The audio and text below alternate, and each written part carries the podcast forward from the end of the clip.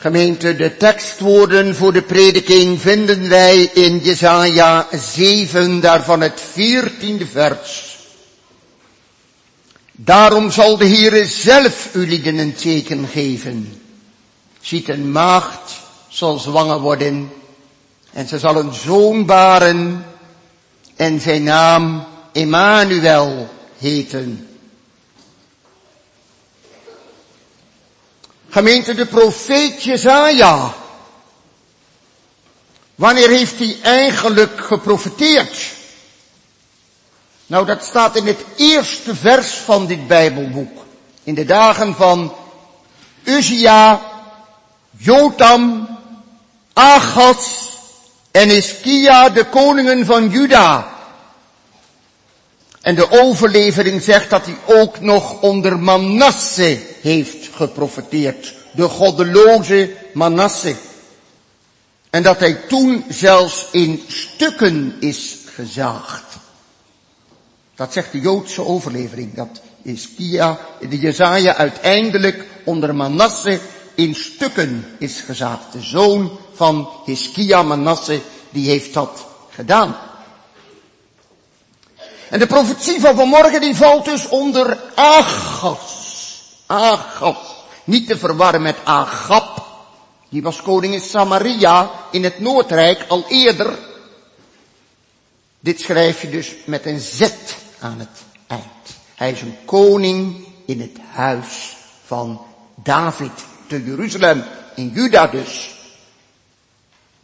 En die Agas, dat was een buitengewoon goddeloze koning. Eigenlijk net zoiets als dat Manasse was, met dit verschil dat Manasse uiteindelijk zich heeft bekeerd, tot bekering is gekomen in de gevangenis te Babel.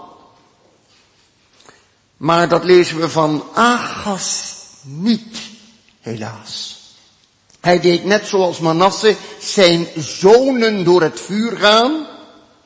Dat we zeggen, hij bracht kinderoffers aan de afgoden. Een verschrikkelijke zaak. De Heere zegt daarvan, dat is in mijn hart nooit opgeklommen om zoiets te begeren. Hij heeft de afgodendienst bevorderd op de hoogten. Hij heeft zelfs een nieuw altaar laten bouwen in de tempel, een afgodisch altaar, zoals hij die in Damascus had gezien. En het echte altaar, het altaar van de Here, uit de tempel van Salomo, dat had hij in een hoekje gezet. Dat werd niet meer gebruikt. Ja, dat werd nog wel gebruikt waarvoor? Om te onderzoeken, zo staat in de boeken van de kronieken. Dat gebruikt hij dus voor allerlei magische praktijken. Om bijvoorbeeld de, levers van offerdieren te bekijken. Hij dacht daaruit de toekomst te kunnen voorspellen. Iets wat in die tijd niet ongewoon was, maar wel heel verwerpelijk. Dat snapt u. Heel verwerpelijk. Hij ging zijn volk voor in de goddeloosheid. Nu gemeente, dan is het geen wonder dat de Heere God hem gaat benauwen. Want als je God verlaat, dan heb je smart op smart te vrezen, niet waar? Dat zingen we toch immers met de psalm? Nou, dat is waar ook. Hij kreeg te maken met twee vijanden die hem begonnen aan te vallen. Dat was Rezin, de koning van Damascus, de Syrische koning. En Peka, de koning van Samaria, van het tienstammenrijk. Het ging van Rezin het meest uit, die Syrische koning. Maar hij had een bondgenoot in Peka, de zoon van Remalia. En die twee die trokken op tegen Juda. En ze hebben daar ook een geweldige slag geslagen. Vele mensen, heel veel mensen hebben ze gedood. Ze hadden ook krijgsgevangenen gemaakt. Ze hadden het land behoorlijk gehavend, maar Agas hadden ze niet kunnen verdrijven. Ze hadden Jeruzalem niet kunnen innemen. Agas zat nog op zijn troon. Daarom staat er ook in het eerste vers dat ze met strijden niet vermochten tegen hem. En ze konden het dus niet winnen die eerste keer. Maar toen, na enige tijd, toen kwamen ze opnieuw. Ze dachten nou is Juda toch verzwakt. Het is de eerste keer wel niet helemaal geslaagd, maar we hebben ze wel verzwakt. We gaan opnieuw beginnen. Om het te proberen, om Agas van de troon te stoten daar in Jeruzalem. En waarom wilden ze dat? Wel gemeente, dat zit zo. Ver in het noorden, in Mesopotamië, kwam het Assyrische Rijk op. Tiglat-Pileser, de koning van Assyrië, die werd machtig en machtiger en machtiger. En die strekte zijn invloed steeds meer uit naar het gebied van Syrië, Noord-Israël, dat gebied. daar, daar werden ze gewaar dat Tiglat-Pileser eraan zat te komen. Het was nog wel niet zo ver, maar de druk werd gevoeld. En daarom hadden die twee koningen het samengesmeden om dat te kunnen weerstaan. Ze hadden een bondgenootschap gesloten, Rezin en Peka. En ze wilden ook dat Agas meedeed. Agas moest ook meedoen in dat bondgenootschap tegen de Assyrische koning. Om gezamenlijk eendracht maakt macht om gezamenlijk die opmars van de Assyriërs te kunnen weerstaan. Maar Agas had er geen zin in. Agas was nog een klein beetje bevriend met de Assyrische koning. En hij zat ook wat verder naar het zuiden toe. Hij voelde die druk ook niet zo. Syrië was veel dichterbij. Hij voelde die druk niet zo. Hij had er geen zin in. Daarom kwamen die twee koningen om hem van de troon te verdrijven. Ze wilden daar een ander op zetten.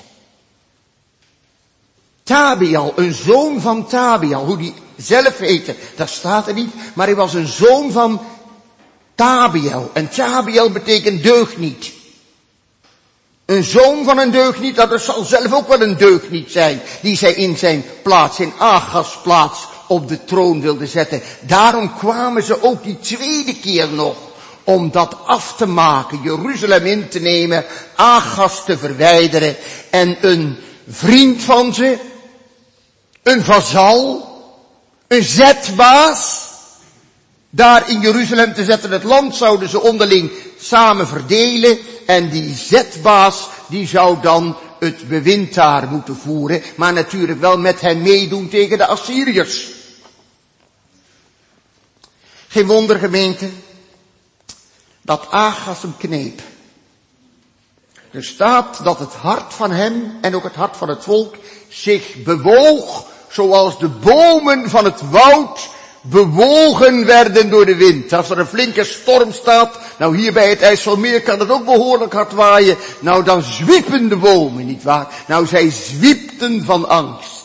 Zij zwiepten van angst. Wat moeten ze toch beginnen? Ze waren al zo verzwakt. Zouden ze het nou de tweede keer wel redden nog? Of zouden, zou Agas ten onder gaan? En dan komt de profeet Jezaja. Die gaat die goddeloze Agas tegemoet. In opdracht van de Heer. Hij bevindt zich, Agas bevindt zich aan de rand van de stad. Daar waar een vijver is, waar de kleren en de kleden gewassen worden en die worden dan op het bleekveld gelegd, zoals dat vroeger gebeurde. De ouderen onder ons kunnen zich dat misschien ook nog wel herinneren, wat een bleekveld was, waar lakens op werden uitgespreid om te drogen. Een bleekveld, het veld van de voller. En een voller is iemand die wast, klederen wast. Nou, dat was dus aan de rand van de stad, aan het boveneinde van Jeruzalem, dicht bij de muur, daar had je die vijver waar dat wassen plaatsvond. Daar was Agas aanwezig en Jezaja moest hem tegemoet gaan, samen met zijn zoon Shear Yashub. Shear Yashub. Dat betekent een overblijfsel zal er wederkeren. Dat was een naam vol met hoop. Het volk zal wel zwaar gestraft worden door de Heer. Maar een overblijfsel zal er zijn. De Heer zal geen afgesneden zaak gaan maken. Een overblijfsel zal wederkeren tot de Heere hun God. Die naam Shear is een naam vol van belofte. En zo ging dus Jezaja hem tegemoet met zijn zoon. En wat zegt hij tegen Agas? Nou, je zou zeggen, zo'n goddeloze koning, dat is donder en bliksem. Wat er uit de mond van Jezaja komt. Donder en bliksem. Dat kan toch haast niet anders. Die moet van katoen krijgen. Die moeten wachten worden aangezegd. Oordeel en gericht, Agas, je zult voorzeker ten onder gaan. dat, dat verdiende hij immers. Dat verdiende Agas dubbel en dwars. Maar nee gemeente, wat gaat Jezaja zeggen? Hij lijkt wel een valse profeet. Hè? Valse profeten komen altijd met mooi weerboodschappen. Hij lijkt wel een valse profeet. Hij zegt, wacht u, wees gerust, kalm aan, niks aan de hand. Zij zijn niet meer dan twee stukken die in het vuur hebben gelegen, maar bijna zijn uitgebrand, hè, stukken hout. Die wel in het vuur hebben gelegen, ze roken nog wel, ze roken nog wel, maar ze zijn bijna aan hun eind toe.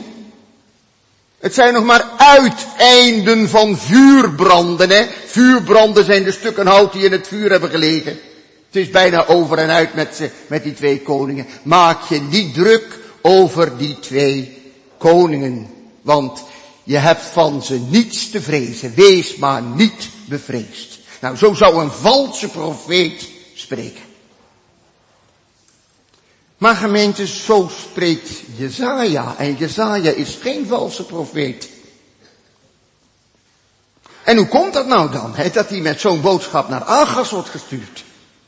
Met zo'n goed bericht. Kalm aan, wees gerust, vrees niet. Waarom wordt hij niet hard aangepakt? Gemeente, het is inderdaad zo dat hij dat wel verdiend zou hebben.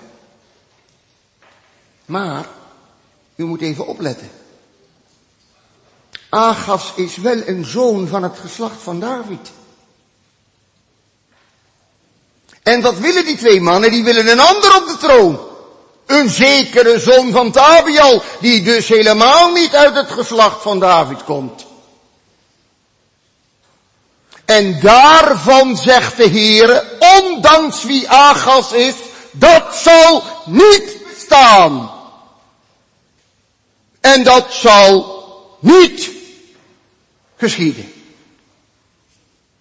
PK blijft de Samaria. Rezen te Damascus nog eventjes, want het zijn uiteinden van stokenbranden die in het vuur hebben gelegen. Ze zijn al bijna uit, ze roken alleen nog een beetje, maar ze zijn bijna uit. Nog eventjes zullen ze roken. Maar het zal niet bestaan wat ze willen. En het zal niet geschieden. Gemeente, ziet u hoe goed dat de Heer is? Dat hij Agas nog tot inkeer wil brengen. Want ja, als toch jezelf zo'n, als jij zelf toch zo'n bruut bent, zoals Agas was, zo'n slechte koning, en dan komt daar de profeet van de Heer met zo'n goede boodschap. Wees gerust, wees stil, dan weet je toch niet waar je kijken moet. Dat zal hij van Jezaja ook vast niet verwacht hebben, denk ik. Hij zal niet geweten hebben waar hij kijken moest. Hij zo'n bruut. En dan de Heer zo goed dat hij zegt het zal niet bestaan en het zal niet geschieden. Hij wordt hier wel dubbel en dwars beschaamd gemaakt, niet waar? Dubbel en dwars. Want wat zegt de Heere tegen Agas? Geloof nou, Agas, Geloof nou dat woord van mij. Geloof het dan voor nu en voor altijd en bekeer je tot de Heere. Want indien gij niet vertrouwt, indien gij niet gelooft, zekerlijk, ge zult niet bevestigd worden. Daar staat in het Hebreeuws, in de Hebreeuwse taal, een prachtige woordspeling. Dat zou je kunnen weergeven met, als gij niet vertrouwt, dan wordt gij niet gebouwd.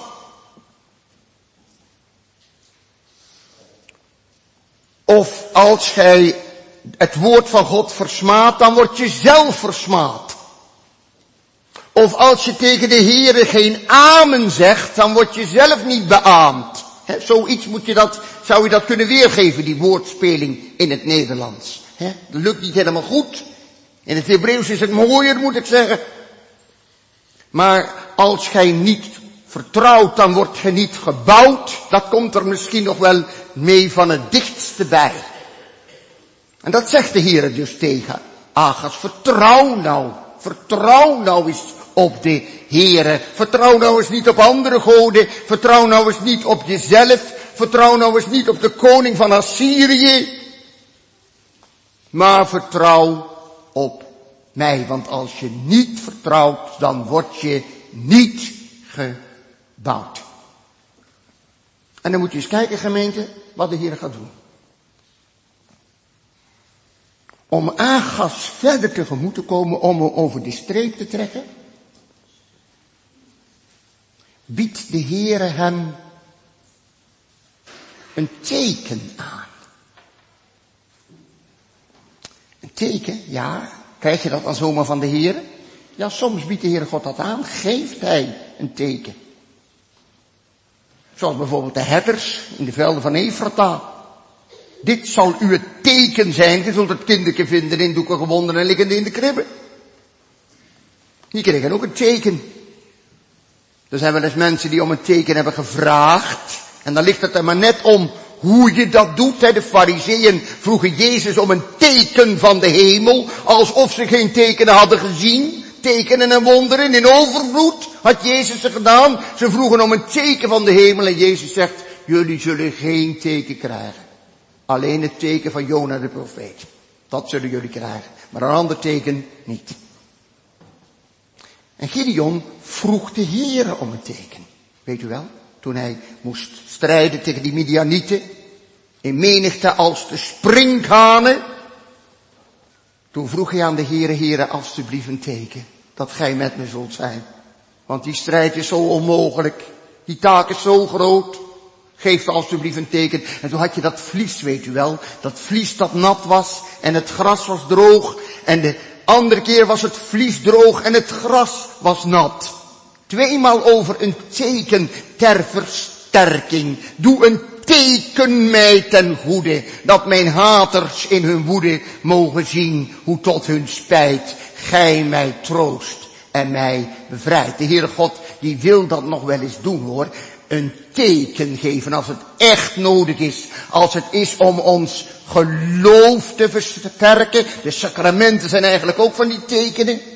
Ook bijzondere tekenen ter versterking. Nou, de Heere wil soms nog wel eens een teken geven waar we ons aan kunnen optrekken. Om het geloof in Hem te bevestigen. Hè? Dus als gij niet vertrouwt, dan wordt gij niet gebouwd. Maar als die opgave te groot is, en die was voor Agas misschien wel te groot, hij zwaaide als een boom, hij zwiepte als de takken, dan zal ik u helpen, zegt de Heer God.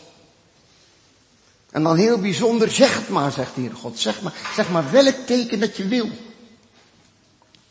Dat lees je verder nergens in de Bijbel. Dat de Heer God een mens een teken zelf laat uitkiezen. Dan komt hij dus Agas wel heel ver tegemoet. Niet waar? Hij zegt, je mag het zelf zeggen. Het mag een teken zijn aan de hemel, uit de hemel vandaan. Iets van zon, maan en sterren. Het mag een teken zijn uit de afgrond vandaan. Uit de diepte. Het mag dus hemelhoog en aarde diep. Zeg het maar, zeg het maar, zegt de Heere God. Je hebt het zelf voor het uitkiezen. Wat komt de Heere God dan? Een slecht mens, hè? Een slecht mens als Agas was. Tegemoet om hem nog tot geloof te brengen. En als er nou vanmorgen iemand in de kerk is die nog steeds weerspannig en weerbarstig is tegen de Heer. Misschien wel kerk, maar toch van binnen zo koud als een steen. En zo afkerig van het woord als dat maar zijn kan. Ja, dat kan hoor. Dat je week in, week uit in de kerk zit, maar dat je er diep van binnen helemaal niets van wilt weten. En dat je er in feite door de week ook niet naar leeft. Hè? Want dat doe je dan ook niet. Hè? Dan leef je er ook niet echt naar en je leeft er niet uit. Nou, dan wil de Heer alles op alles zetten. Dat we maar tot het waarachtige geloof in zijn woord, in hem, in Christus zouden komen. Hè? Dat wil de Heere dan doen. Hè? Dan laat hij het ons nog eens zeggen en nog eens zeggen, nog eens zeggen. En hij doet soms ook wel dingen, hè? Doet soms ook wel dingen die treffend zijn. Waarvan de mensen misschien zeggen toeval. Maar toeval bestaat niet. Het is wel een tref. Maar dan een tref van God. Dat hij zich laat horen, dat hij laat merken dat hij er is. Ik heb zelf zulke dingen ook wel eens meegemaakt. Dat, dat, er, dat de Heere kennelijk zo sprak, hè, dat hij tot ondersteuning iets liet gebeuren wat, wat niemand verwacht had. En wat ik ook zelf niet verwachten kon, maar het gebeurde wel. Het gebeurde wel, hè. Een teken, een, een wonder van de Heer. Ja, dat kun je dan als een wonder ervaren, dat Hij het toch. En als de Heer dat doet, dan doet Hij, doet Hij dat om ons overstag te laten gaan. Hè? Om ons een handje te helpen. Als het zo moeilijk is om de Heer te vertrouwen, dan wil Hij ons nog helpen. Ook zo stelt de Heer God hier zich op tegenover die goddeloze man. Wij zouden zeggen, weg ermee met zo'n kerel. Laat hem afgezet worden. Laten die PK en die Rezin maar gauw succes hebben. Dan is hij tenminste weg. Dan is hij tenminste van de troon af. Dan is die deugd niet weg. Ja, er komt een ander voor in de plaats, dat wel. Maar die ene deugd niet is weg. Het zal niet bestaan, zegt de God. Want het huis van David is in het geding. De belofte aan David. De belofte van de Messias, die komen zal in dit geslacht. Dat is in het geding.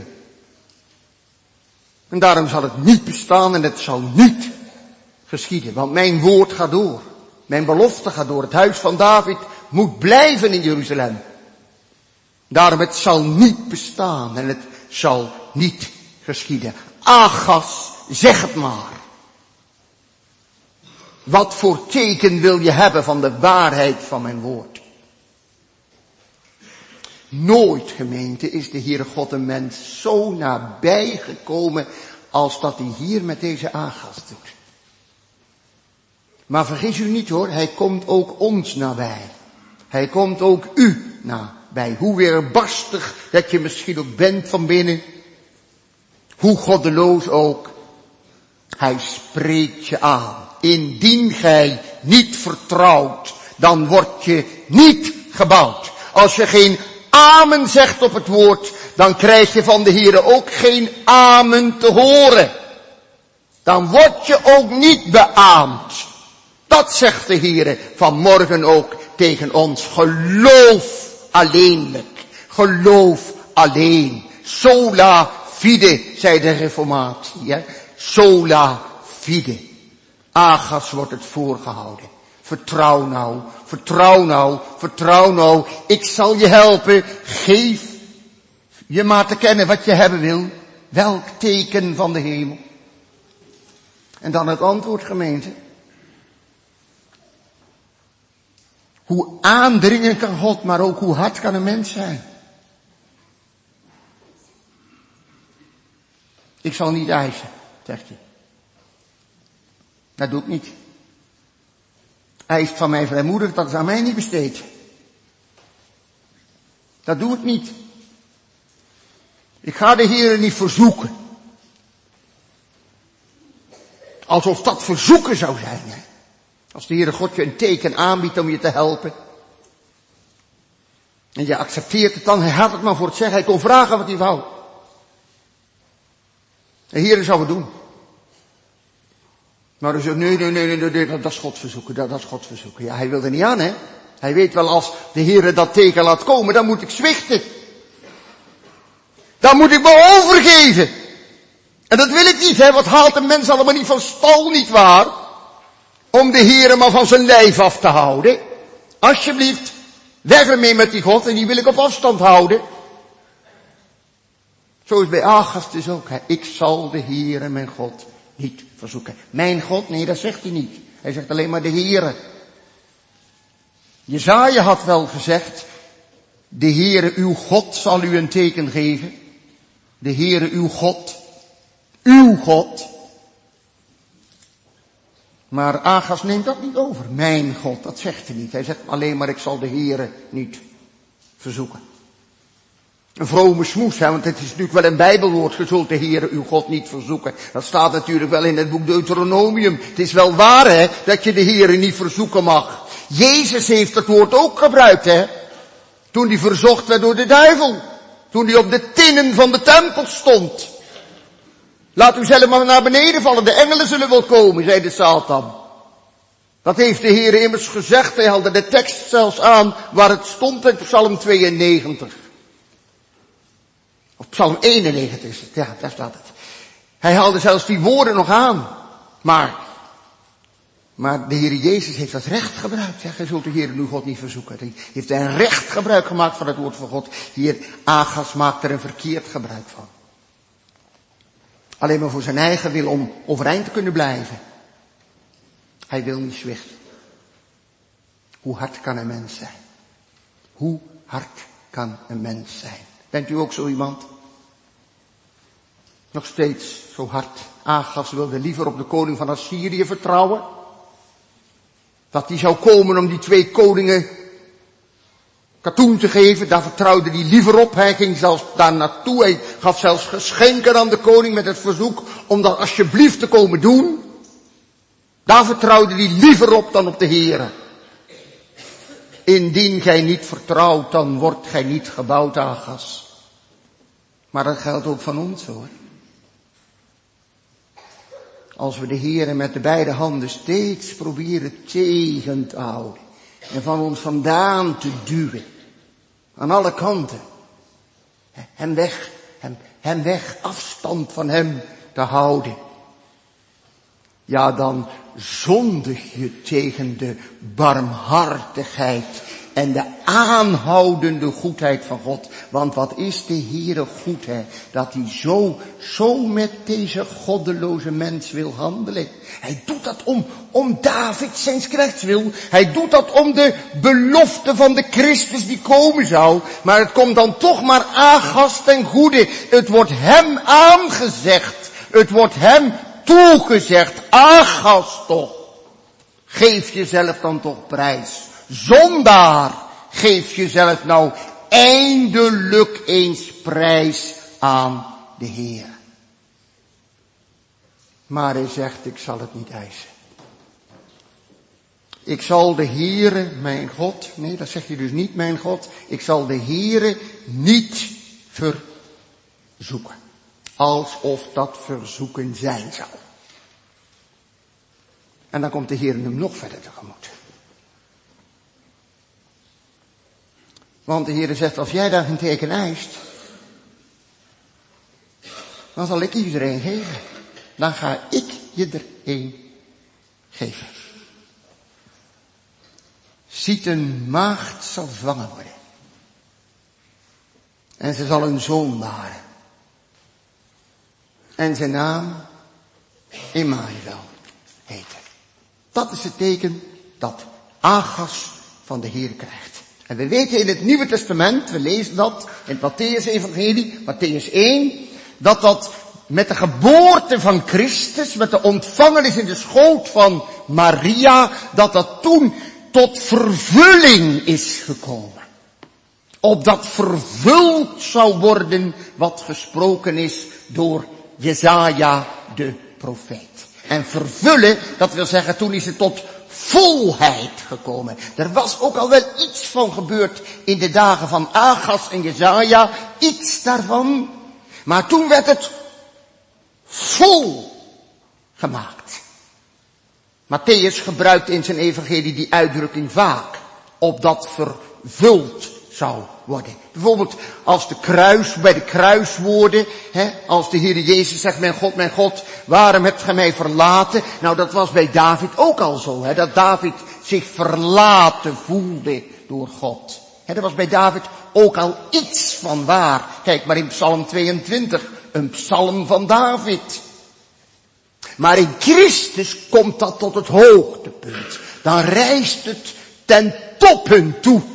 Dan wordt het volgemaakt. Vervuld. En zo is het dus met dit schriftwoord ook hier uit Jesaja 7. Een klein beetje is het waar geworden in de dagen van Agas. Maar bij Jozef, in de droom, toen werd het echt helemaal als vervuld aan hem bekendgemaakt. Want dan zegt de engel des Heren het tegen Jozef. En Jozef die werd ook heen en weer gezwiept. Als de bomen van de wind, hè. Toen hij, toen hij Maria in huis kreeg. Ze was, kwam terug van het gebergte van Juda. We konden die anders denken als van, nou ze heeft overspel gepleegd. Ze was zwanger. Ze werd zwanger gevonden. Nou, dan, dan, dan is er toch maar één mogelijkheid. Hij was bevreesd. Wat, wat moet ik nou met haar doen?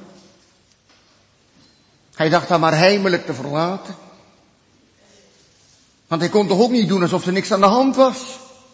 Hij werd heen en weer geschud. Hij was bevreesd, want de engel des Heren zegt, wees niet bevreesd om haar tot u te nemen. Wees niet bevreesd om dat te doen. Hij was dus bevreesd.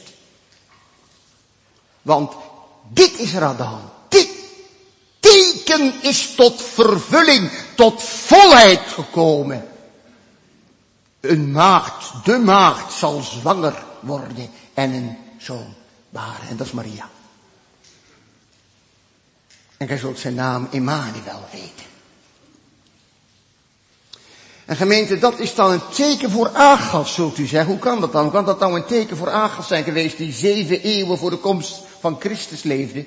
Hoe kan dat nou een teken voor hem zijn geweest? Dat dat zeven eeuwen later gebeuren zou. Daar heeft Agas toch niks aan?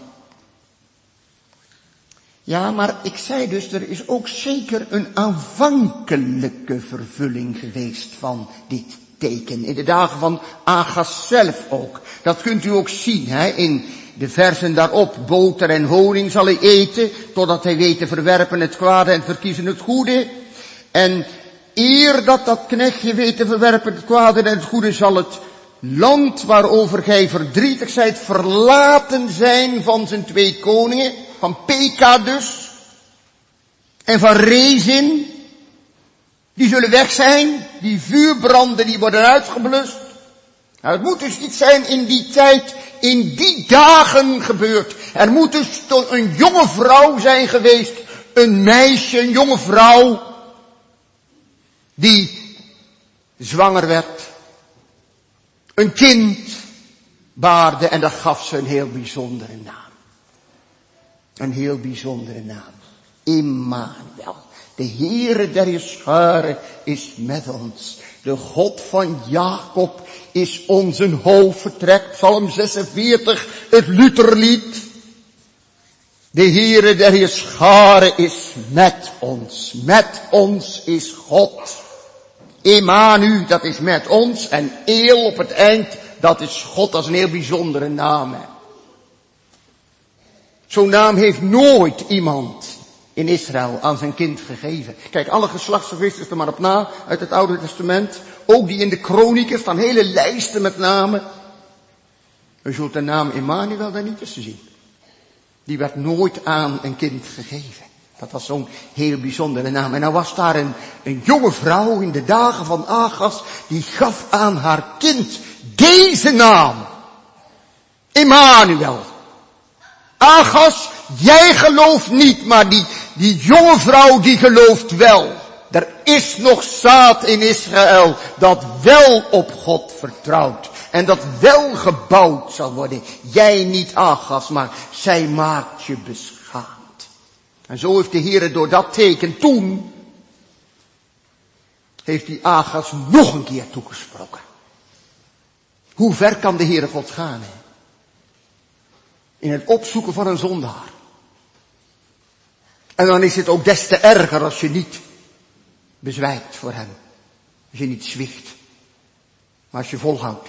Het is des te erger als je dat doet. Als de Heer zo dicht naar je toegekomen is. Hij komt opnieuw naar Agas toe. Hij geeft dat teken. Daar is zomaar een jonge vrouw die een naam voor haar kind bedenkt.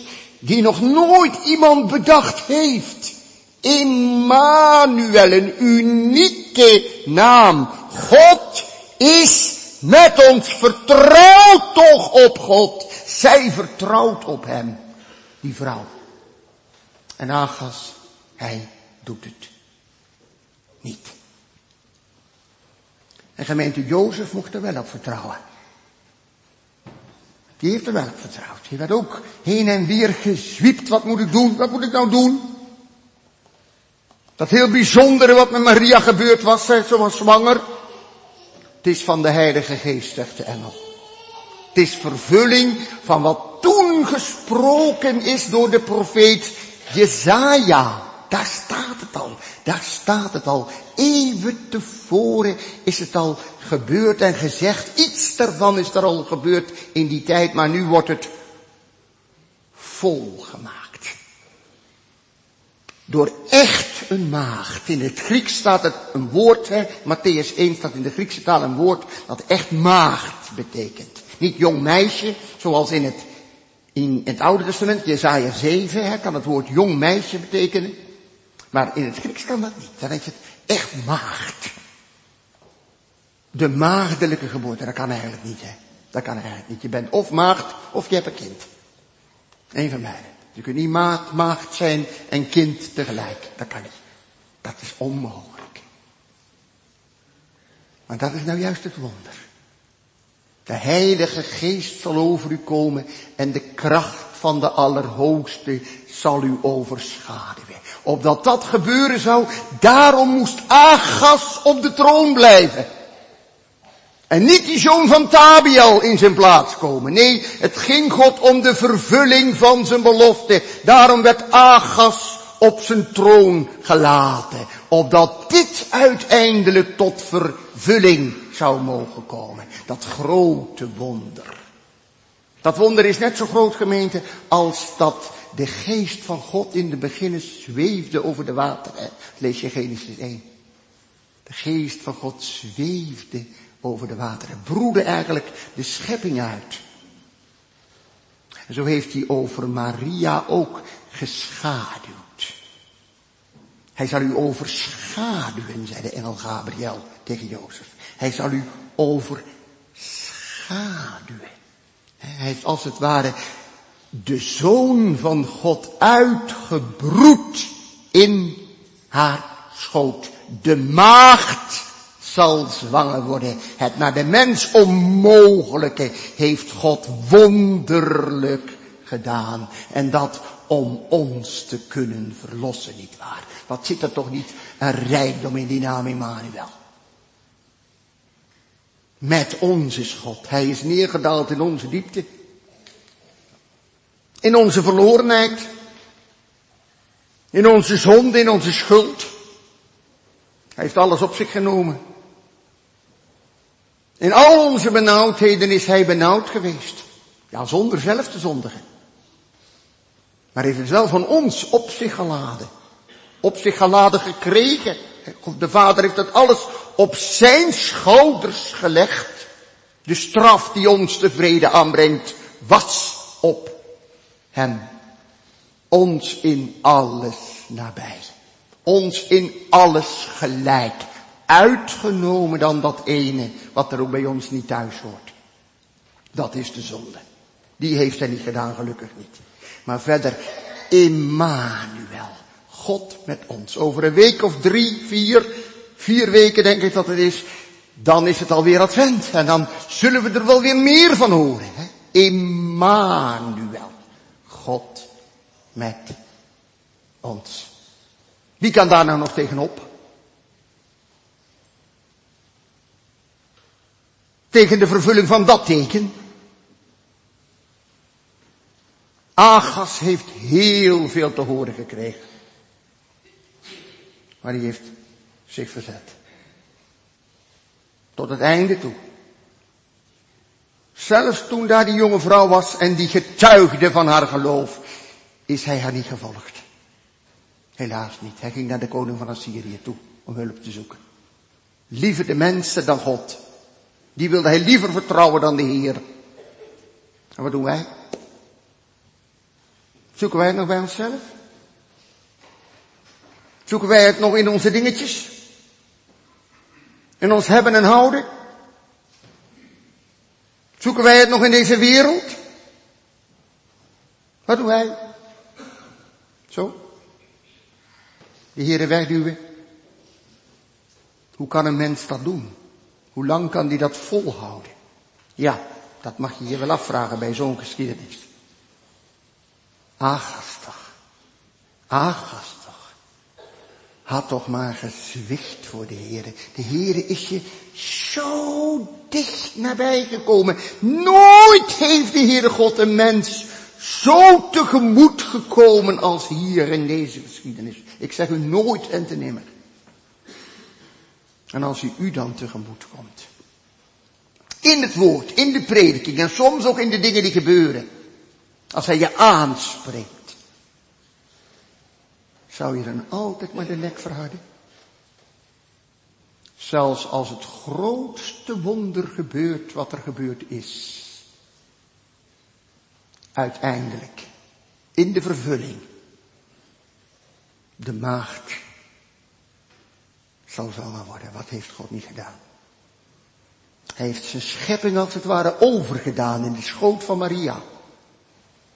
Dat is een even groot werk geweest als de schepping van de hemel en de aarde uit Genesis 1. Wat hij in de schoot van Maria gedaan heeft. Dat wonder. De maagd zal zwanger worden. Wie kan het bedenken? Wie kan het verstaan, het wonder? Niemand toch? Maar het is wel geschied. Jozef is er getuige van geweest. En Maria zelf natuurlijk ook. Ze zijn er getuigen van En de engel heeft het aan Jozef uitgelegd in de droom. Opdat hij toch geloven zou. En hij heeft gelijk toen ook Maria tot zich genomen. En hij bekende haar niet totdat zij haar enige geboren zoon, haar eerstgeboren zoon, gebaard had, zegt de Bijbel. Totdat zij haar eerstgeboren zoon gebaard had. Jozef heeft het geloofd. En nou u nog. En jij. Wij allemaal met elkaar. Laten we niet afweren.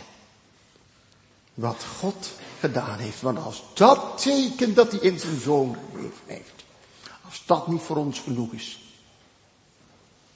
Dan is het net als bij Agas. Dan is er niks genoeg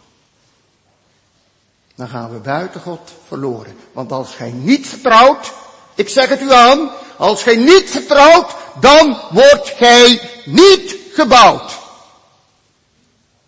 Dan weet je het maar, hè. Als je niet vertrouwt op Hem, op de Heere, op zijn Christus, op zijn Emmanuel, dan word je niet gebouwd. Amen.